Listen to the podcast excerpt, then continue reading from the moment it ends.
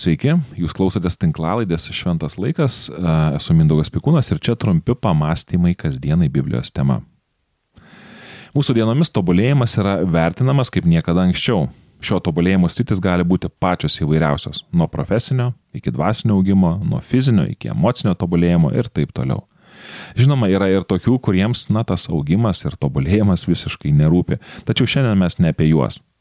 Gyvename laikais, kai įrankių asmeniniam tobulėjimui yra daugiau nei būtų galima jais visais pasinaudoti. Asmeniškai mane tai labai džiugina. Man gera žinoti, kad žinios ir kitų patirtis yra prieinami ir kad vos pasistengęs ištiesti ranką galiu rasti man naudingos informacijos. Jei tau nepatinka tavo situacija ar tai, koks tu esi, šie laikai yra vieni iš geriausių kažką keisti savyje ar savo aplinkoje. Tačiau toks tobulėjimo kelias nėra be pavojų. Apie juos Jėzus kalba viename iš savo palyginimų. Du žmonės atėjo į šventyklą melstis. Kalbėjo Jėzus, vienas buvo fariziejus, o kitas muitininkas. Fariziejus atsistojęs taip savo vienas meldėsi. Dėkoju tau Dieve, kad nesu toks kaip kiti žmonės - plėšikai, sukčiai, svetimautojai arba kaip šis va, muitininkas. Aš pasnikauju du kartus per savaitę, atiduodu dešimtinį iš visko, ką įsigyju. O muitininkas stovėjo tokia ir nedryso nei jokių pakelti į dangų, tik mušėsi į krūtinę maldaudamas - Dieve, būk gailestingas man nusidėliui. Sakau jums, kalbėjo Jėzus, šitas nuėjo į namus nuteisintas, o ne anas. Kiekvienas, kuris save aukština, bus pažemintas ir kuris save žemina, bus išaukštintas. Luko Evangelija 18 skyrius 10-14 eilutės. Jėzaus palyginime apie fariziejų ir muitininką mes matome dvi grupės žmonių. Ir fariziejaus asmenyje matome žmogų, kuris yra tikrai daug pasiekęs. Tačiau čia kyla klausimas, kodėl tiek daug pasiekęs žmogus Dievui tapo nepriimtinas. Pasitenkinimas savimi yra vienas labai aiškus pavojus, kuris gali užklupti tą, kuris rūpinasi savo tobulėjimu ir lygindamas save su kitais, pastebi, kad jam pavyko. Šis saldus sėkmės jausmas fariziejų pavertė kritišku kitiems ir išdidžiu atžvilgiu tų, kuriems sekasi mažiau. Ir tai yra nelabai sąžininga. Kalbant grubiai, žmogų sudaro, na, tokios trys dalis. Nekalbu apie fizinius, kiekvieno žmogaus duomenis. Čia mes esame, na, unikalūs ir tai mums yra duotybė. Aš labiau galbūt kalbu apie tai, kas sudaro mūsų asmenybę. Tai intelektą, emocinį intelektą ir asmenybės tipą. Šios trys dalis skirtingai sąveikaudamos viena su kita išryškina mūsų išskirtinumą ir lydi mus nuo gimimo iki mirties. Mūsų intelektas arba protiniai gabumai nurodo į mūsų gebėjimą mokytis, įsisavinti ir pritaikyti sukauptas žinias. Iš šio protinio lavėjimo uh, Ir šis protinio lavėjimo koeficientas su amžiumi, na, beveik nekinta. Žinoma, tai nereiškia, kad negalima savo intelekto lavinti ir kad jam nedaro įtakos mūsų gyvenimo būdas.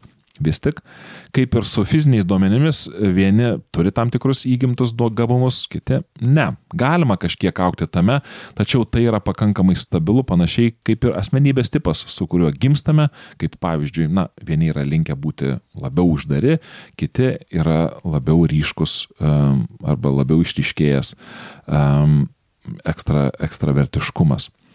Galima aukti ir galima tobulėti savo asmenybės tipo ribose, tačiau mes niekada nebusime kažkuo kitu, kas yra priešinga mūsų asmenybės tipui. Pamenu kartą nusprendęs pradėti lankyti sporto salėje pasirinkau ir asmeninio trenerio paslaugas. Kad sutaupyti laiko atėjau anksčiau ir laudamas trenerio apšilinėjau ant bėgimo takelio. Treneris atėjo ir paklausė, ar kada nors jau esu rimtai sportavęs. Atsakiau, kad ne ir tada treneris pasidalino savo pastebėjimu, kad turiu gražias kojas ir kad turiu visus duomenis neblogai susitvarkyti savo išvaizdą visokių štangų ir hantelių pagalba. Kiek sutrikau, nes anksčiau nebuvau gavęs komplimento apie savo kojas iš kokio nors vyro.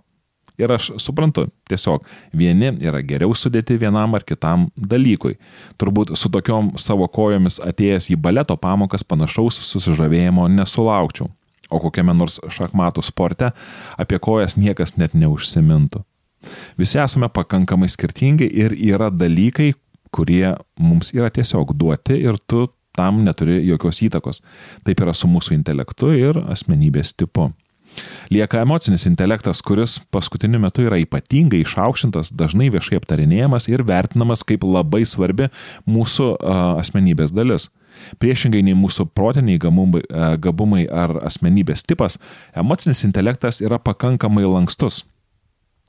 Jį sudaro tam tikri įgūdžiai, kurių galima išmokti, kuriuos galima ugdyti ir augimas, kuriam, na, kuriame jau taip nepriklauso nuo asmenybės tipo ar intelekto. Aišku, aš nenoriu teikti, jog intelektas, asmenybės tipas ir ar emocinis intelektas yra lengvai apibrėžiami dalykai. Anaip tol, mes juos aptarėme, į juos gilinamės, bandome suprasti, tačiau jų tikslus apibrėžimas bei tarpusavio sąveikos ribos ne visada yra tokios labai aiškios yra žinoma tiek, kad nepastebėtas yra ryšys tarp asmenybės tipo ir emocinio intelekto arba tarp protinių gabumų ir emocinio intelekto. Tai reiškia, kad labai protingas žmogus nebūtinai yra emociškai brangus, brandus, e, bei kad tam tikri asmenybės bruožai kuriuos žmogus gavė, gavo gimdamas, reiškia ir emocinę brandą.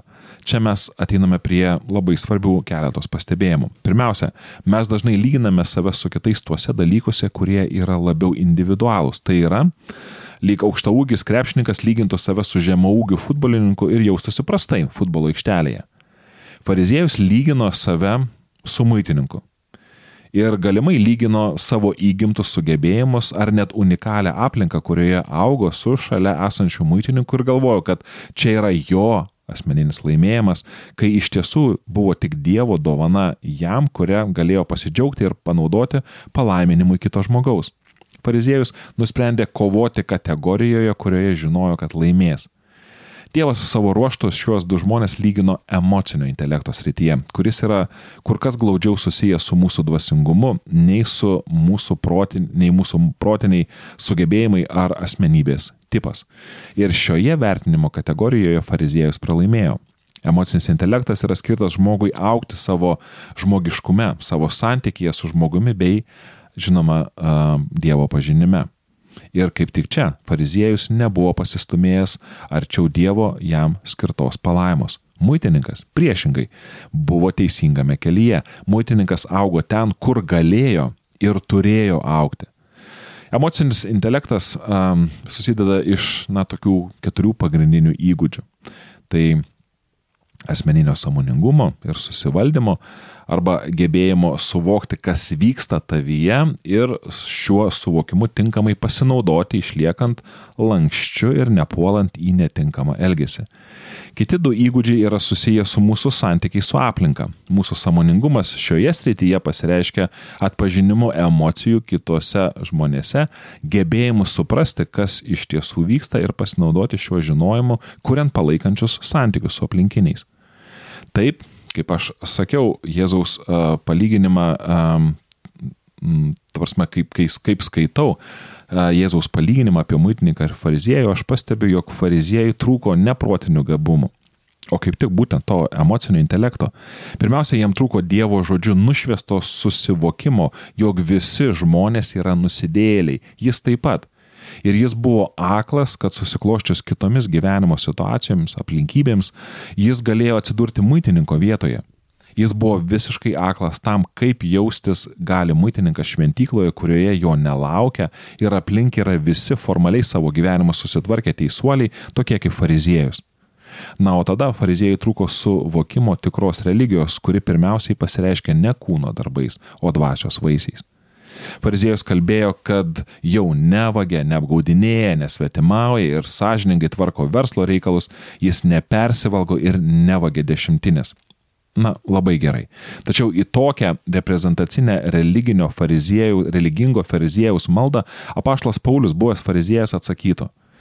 Jei su Kristumi esate mirę pasaulio pradmenims, Tai kamgi tarsi tebe gyvendami pasaulyje leidžiatės apkraunami nuostatais - neliesk, neragauk, neimk. Visą tai vartojama dinksta ir tai tėra žmonių priesakai bei pamokymai. Tie nuostatai beje atrodo išmintingi dėl prasimanyto pamaldumo, nusižeminimo ir kūno varginimo, tačiau yra beverčiai ir tarnauja kūno patenkinimui. Laiškas kolosiečiams, antras skyrius 20-23 eilutės. Apaštlas, apaštlas Paulius sako, Taigi, jei su Kristumi palikote praeitie visą pre, tą pretenzingą ir infantilų religingumą, kodėl vėl leidžiate jiems prie jūsų kabinėtis? Neliesk to, neragauk to, nesiartink prie šito. Argi manote, kad dalykai, kurie šiandien yra, o rytoj ne, yra verti tiek dėmesio?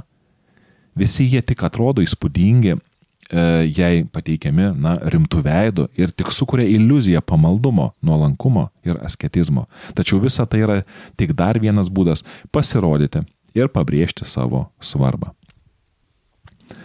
Galima būtų pasakyti, kad fariziejus turėjo proto, sugebėjimus ir susikūrė religiją, kuri atitiko jo asmenybės tipą, tačiau ten, kur jis iš tiesų turėjo aukti ir keistis, emocinio intelekto srityje, ten jis nematė jokio ryšio su savo tikėjimu. Tačiau muitininkas naudojęs savo intelektą ir kūręs gyvenimą, kuris buvo artimas jo asmenybės tipui, suprato Dievo kelių tikrąjį gilį ir pajurto gimstant tikrajam samoningumui. Jis prisilietė prie giliausių savo širdies poreikių bei ilgesio ir noro atrasti Dievo šaltinį, kad galėtų gyventi autentišką gyvenimą, neprarasdamas ryšio su savimi, aplinka ir Dievu. Ir čia mes ateiname prie to pavojaus, kuris slypi asmeninio augimo kelyje. Ir tas pavojus tai bandymas savo dvasingumą išmatuoti. Tas pavojus tai bandymas um, kažkaip tai įsivertinti savo dvasingumą, aišku, lyginant save su kitais. Išdidumas visą laiką nugali, jei mes pabandome kažkaip pasverti ar įvertinti savo dvasinį augimą. Žinoma, aš neketinu teikti, jog negalime kažkaip matyti savo progreso uh, permainų link. Turime džiaugtis, jei tai pastebime ir galime tai įvardinti. Kalbu labiau apie gundimą visą tai paversti lenktynėmis. Ypatingai jei tai tampa kažkokiu, na, būdu sustiprinti savo savivertę ir uh, progą pasidžiaugti savo pasiekimais, matuojant tai, kiek mes pralenkėme uh, šalia esantį žmogų.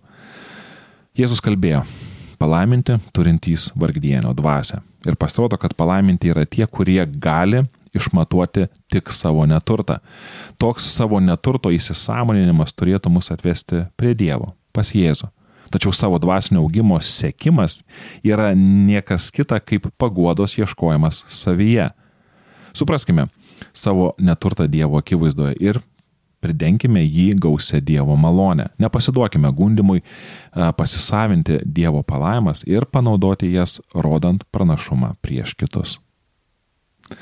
Noriu priminti, jog ši tinklalaidė yra išlaikoma jūsų laisvanoriško prisidėjimo kad šių ir įvairesnių tinklalaidžių būtų sukurta daugiau, bei kad jos pasiektų daugiau žmonių, kviečiu paremti Šventas laikas veiklą internete susiradus Contribui remimo platformą. Dėkoju tai jau pasiryžusiems padaryti ir jau tai darantiems.